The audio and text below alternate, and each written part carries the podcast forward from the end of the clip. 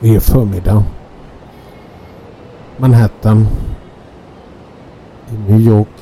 9 oktober 2015. Av en tillfällighet har jag sett någon notis i någon tidning att Yoko Ono planerar att göra världsrekord av fredstecknet på Central Park i samband med att fira sin make John Lennons 75-årsdag. Han eh, blev ju bara 40 men kände att eh, någonting vill jag ge fansen och Lennon. Och det är en liten tillställning Central Park på förmiddagen just den här dagen. Och jag är där. Jag befinner mig där. Och det var en känsla av att man fick vara med om det där sista lilla trollspöet av det som jag tyckt så mycket om under min uppväxt och barndom till och med. Fira någonting i Central Park tillsammans med en form av hippierörelse och alltihop. Och Yoko Ono är ju ungefär i storlek med Tingeling. Så ehm, jag står där bland alla människor. Och en helikopter svävar omkring där ovanför oss och tar massa foton. Och, nej, det blev inte världsrekord. Men vi var tusentals människor som eh, ställde sig arm till arm och bildade detta fredstecknet. Och Joko stod på en scen och sa Here we are. Here is your friends John and we say happy birthday to you. Det var en känsla. Det var en fantastisk känsla.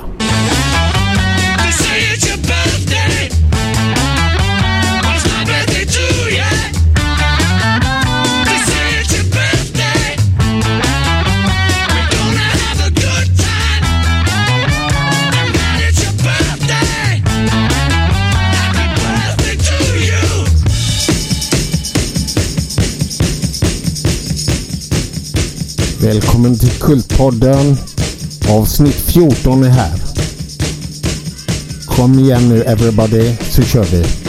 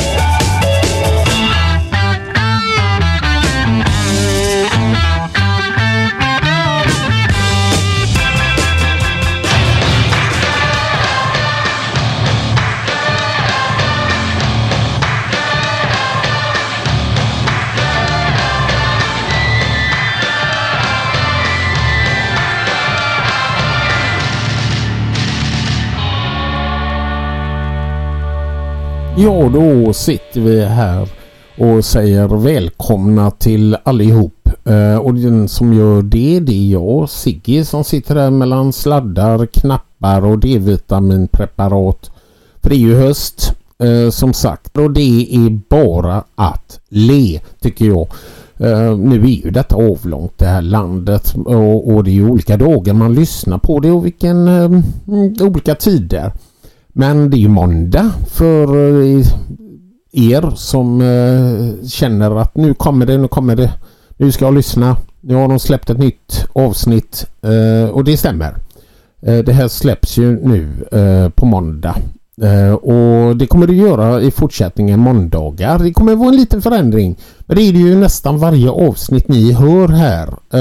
En av mina absolut största idoler när jag växte upp det var uh, Ulf uh, Thorén och inte Arne Thorén New York utan hans eh, lillebror där Ulf Thorén han hade ett program som hette Var 14 dag. På den tiden hade man ju tid att vänta. Uh, man fick vänta på väldigt mycket då. Det var inga streamingtjänster eller något liknande och man hade ju dubblat kanalerna där också så att man hade två kanaler. Bara det var ju ett stort jippo. Ehm, men han hade sitt program av 14 dag och i och med att eh, min kalender ser ganska spänd ut och ska hinna med det och ska hinna med det och så får ju podden ha lite kvalitet. Så oavsett vad ni tycker om den här kvaliteten så gör jag mina små ansträngningar och ehm, nu kommer nog eh, nästa gång ljudet vara bättre än eh, det någonsin har varit. Det här är det där lilla sista skråpet ni vet när man tycker att man har fått i sig allting så ser man det lilla klabbet som är kvar. Det är det här vi stänker ut nu och tömmer buteljerna. Eh, med D-vitamin naturligtvis, ingenting annat. Eh, så nästa gång är alltså då nästnästa måndag. Ja, och så kommer jag att försöka köra för ehm, så det blir inget nu på måndag utan nästa måndag och så tänker ni då ja det är var fjortonde dag.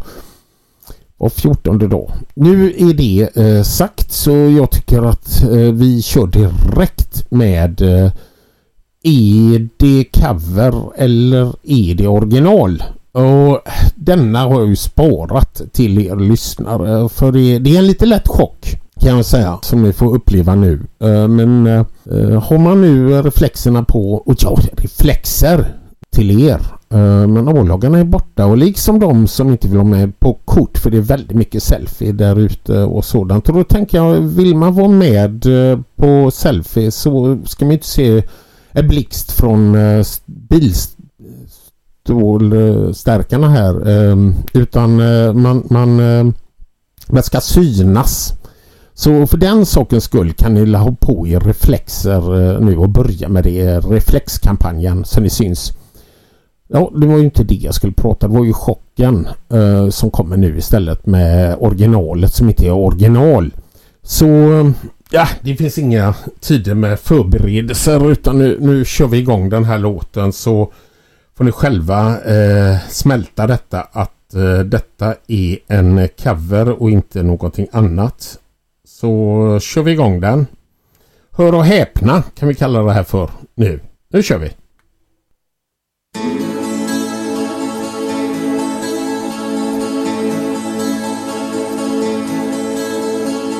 Sally called and she got the word. She said I suppose you heard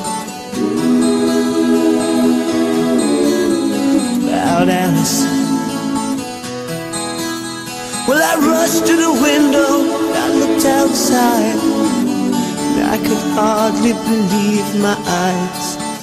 A big limousine moved up into Alice's drive. Oh, I don't know why she's leaving or where she's gonna go. I guess she's got her reasons, but I just don't wanna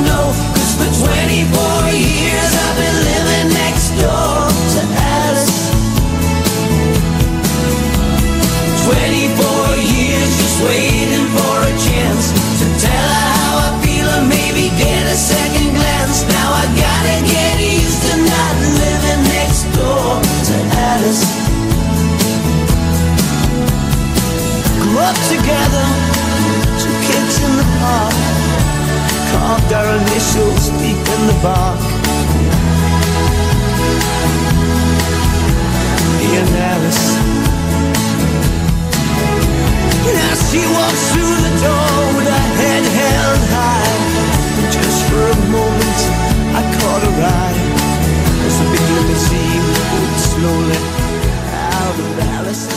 Ja, det är ju Smoke 1976. Jag trodde covern då, ja det är väl det med Alice. Alice, who the fuck is Alice? Men nej, nej.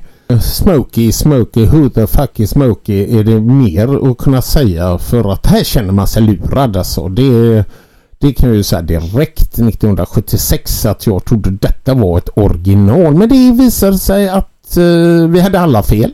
Det är en cover. Och nu ska vi från 1972 få höra originalet. Och nu tar vi det.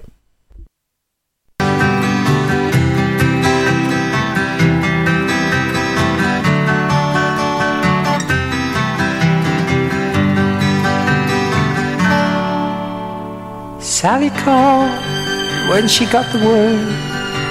And she said, I suppose you've heard about Alice. Well, I rushed to the window and I looked outside. I could hardly believe my eyes as a big limousine rolled up into Alice's drive I don't know why she's leaving or where she's gonna go. I guess she's got her reasons, but I just don't wanna know. Cause for 24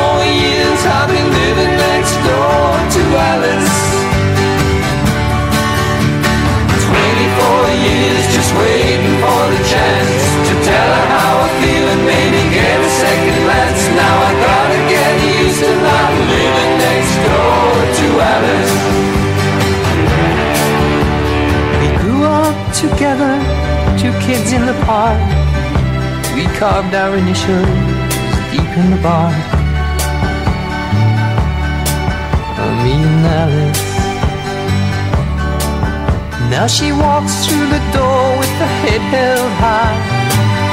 Just for a moment, I caught her eye. The big limousine pulled slowly out of Alice's drive.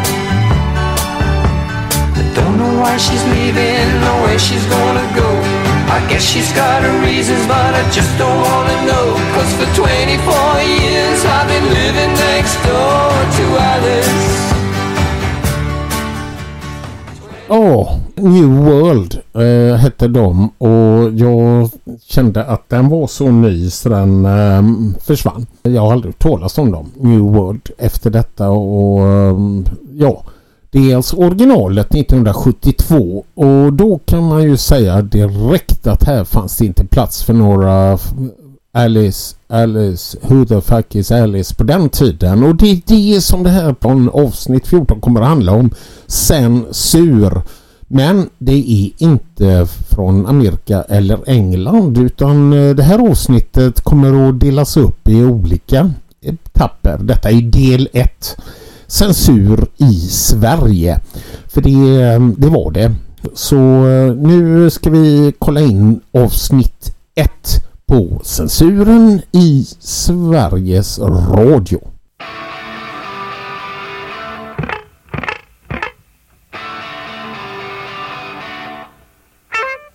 Vi ska alltså prata om censur i det här avsnittet till stora delar och, och det här med att vara lättkränkt det är ju på tapeten jämt att folk tål inte så mycket men det gjorde de inte förr heller. Eh, nej, det tar sig i olika former och eh, så med eh, vad som eh, ska censureras och ändras på. Därför tycker jag det är väldigt farligt det där när man eh, börjar lägga sig i böcker böcker och, och tavlor det ska inte visas eller statyer ska bort. Eh, man eh, går in och pillar på det ena och det andra. Nej, då kan man istället låta det vara kvar och förklara i nutid hur man såg på det då. Då var detta okej. Okay. Men idag så tycker vi inte så. Men på den tiden så såg man det på det sättet. Det tycker jag är mycket bättre än eh, att eh, förbjuda och censurera. Och här i podden så har vi då det här med 1960 till 1979 och den här gången är det nog, eh, jag brukar ju säga för unga som vill veta och gamla som vill minnas. Men ibland är det stunder jag känner att det är nästan inga kvar som minns. Man fick knappt veta det. Man gick omkring där och lallade och trallade och trodde allting var bra. Um, och det var det ju. Eh, det var ju mycket eh, frihet under statligt ansvar under den här tiden. Då är det ju del 1 nu i avsnitt 14 angående censuren som vi ska prata om. Och det är då med Sveriges Radio. För Sveriges Radio de hade en grupp människor som gick under namnet Sveriges Radio rådgivande kommitté för grammofonskivor. Och det förkortar man till RKG. Alltså det här var inte då kallat censur utan det handlade till stora delar om rådgivning av lämplighet att spelas i tv och radio. För på denna tiden så var det ju Sveriges Radio TV som det handlade om. Televisionen hade ingen egen del. Utan, och det var inte bara om texter som kunde vara olämpliga och någon frireligiös smålänning eh, från eh, bibelbältet som reagerade. Utan det, det kunde vara dialekter. Och då var det i synnerhet från södra Sverige det kunde ju eh, kännas obehagligt för människor att få lyssna på i radion. Och det är därför som sådana som eh, Siw Malmkvist, det var väl förra sommaren eller någonting, så hade hon ett sommarprogram och berättade om eh, sin barn uppväxt i Landskrona och bredde på med skånskan. Jag tror att hon tog i men det kändes väl skönt för henne nu i åttaårsåldern och få prata skånska. Och för att överhuvudtaget få spela en låt på Svensktoppen så var det rikssvenska eh, som gällde. Och de som råkade värst ut för den här kommittén det var nog eh, Cornelis Vreeswijk och Robert Broberg. Och då tänker ni, ja det var de där dödskalleetiketterna. Nej, de hade man lagt ner. Man tog inte bort dem. Och faktiskt så eh, tror jag inte någon överhuvudtaget vet hur många som eh, blev märkta med en dödskalle. Nej, nu skulle det vara mer liberalt. Det handlade om att hitta ett eh, öppnare system där det var rekommendationer som gällde och inte dödskallemärken. Eh, för det kallar man ju för censur i så fall. Och då den här kommittén som fanns då, då gick det till så att man hade olika eh, ledamöter som eh, man hade röstat på i de olika avdelningarna och sen var det Sveriges Radios ledning som bestämde vilka som skulle få sitta där. Och ofta var det fyra personer som satt där och en av dem var ansvarig chef för grammofonarkivet och en av dem hade titeln narkotikaexpert och det var ju framförallt då att eh, man skulle upptäcka slang och grejer som då kunde vara narkotika. Därför satt han där då. Och sen så hade de eh, då olika etiketter eh, för eh, de här låtarna. För dödskallgrejen var ju borta. Det här var ju rådgivning och då den minst farliga den var grön-gul etikett och sen fanns rödgul och värst var ju då röd-röd. Om man tar den här gröngula så gick det under premissen att låt inte skivan okontrollerat ingå i program riktat till en bred publik. Och där har vi ju det med Svensktoppen. Ehm, så det räckte på det viset att ha en gröngul etikett för att det skulle bli eh, lite sådär ja är det rätt eller är det fel? Och var det rödgul så skulle man tänka noga igenom både placering i programmet och i presentationen om man valde att spela en sån skiva överhuvudtaget. Och så hade vi sån här röd-röd. Eh, skivan får inte spelas utan radiochefens tillåtelse. Alltså chefen för grammofonarkivet satt ju där. Eh, men nu, nu skulle man gå till högsta chefen och få den personens tillåtelse. Eller så var det Sveriges Radios jurister som måste frågas till råds innan skivan fick spelas. Och det här är ju igen rekommendationer. Det var väl antagligen så att det var nog inte så ofta som det var en etikett och att det sedan fick gå till radiochefen eller juristerna. Det hade ju kommittén satt sina etiketter så var det ju säkert lugnt att det inte hände några fler fel. Och, och nu går vi tillbaka då till det här med Cornelis. För när han släpper en skiva som heter Ballader och grimaser 1966 så svartlistades 7 av 13 låtar av kommittén. Det gör ju Cornelis Vreeswijk fly förbannad. Så han bestämmer att eh, nu gör jag ett uppror mot Sveriges Radio och ska få den här kommittén att falla på knä och jag startar det och så får jag med mig en massa olika artister och till Cornelis kan man väl säga att språkmässigt så var han ju, eh, han kunde ju bättre svenska än eh, många av eh, svenskarna. Var fantastisk i sitt språk. Men han, den där svenska folksjälen med bita ihop och en knuten näve, det kände han inte riktigt till. Men eh, det var exakt så det blev. Han fick inte med sig några. Han, han nämligen förbjöd Sveriges Radio att spela någon av hans låtar. Och så trodde han att han skulle få med sig eh, resten av gänget. Men den enda som stöttade Cornelis det var faktiskt eh, Ove Törnqvist. Sen var det tomt. Sen var det slut. Cornelis han orkade i eh, sex månader.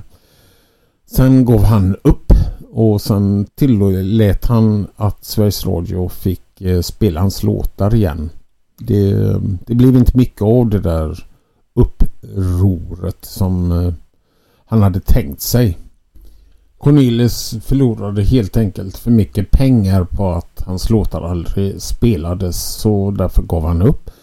Och det är lätt av censuren. Eh, det ska vi avsluta med att lyssna på en av de låtarna som fick eh, röd röd av eh, kommittén. Och den låten som vi ska höra nu heter Lasse Liten Blues. Här kommer den.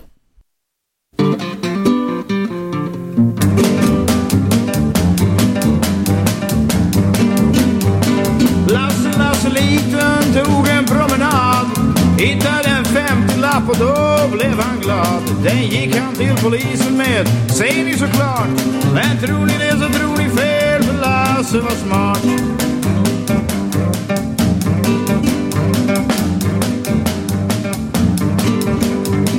Lasse, Lasse liten funderade som så. Det där med hit och lön och det, det går jag inte på. Jag skulle få en femma på sin höjd, inte sant? Nej, tror de det så tror de fel, det här är min slant.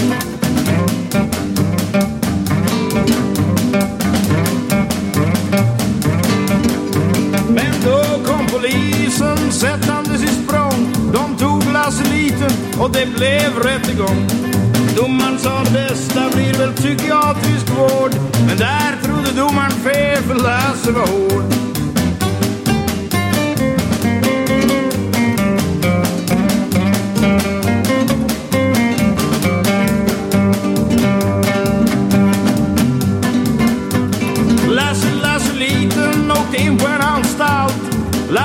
Lasse, liten tog det hela ganska kallt.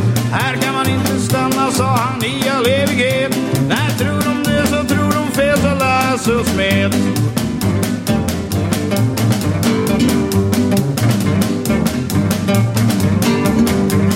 Lasse Litens mamma, hon fick en nervattack. Barnavårdsnämnden fick hon fram innan hon stack. För det hade hon läst i någon pedagogisk bok. Men jag tror hon läste fel för hon var inte klok.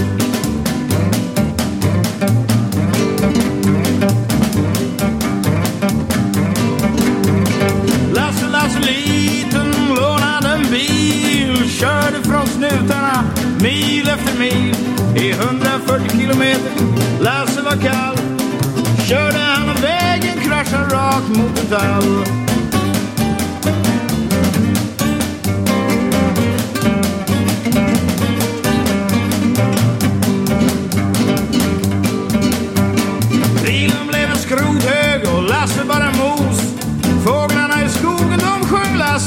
Blues.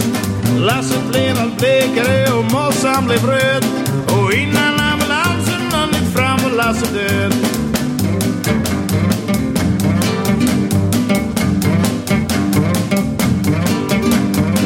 Prästen sa vid graven ungefär så här.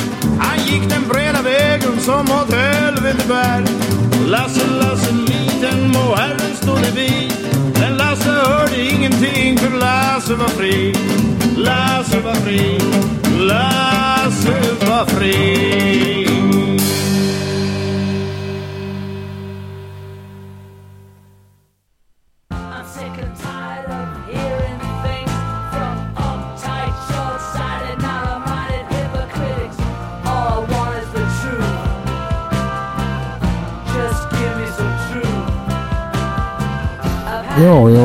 tycker avsnitt eh, 14 som till stora delar handlade om eh, censur började ju med eh, John Lennon. Så varför inte avsluta med honom här? Gimme some truth från 1971. Lika aktuell då som nu. Ha det gott. Vi hörs på måndag om två veckor. Och ja, love you all. Nu kör vi.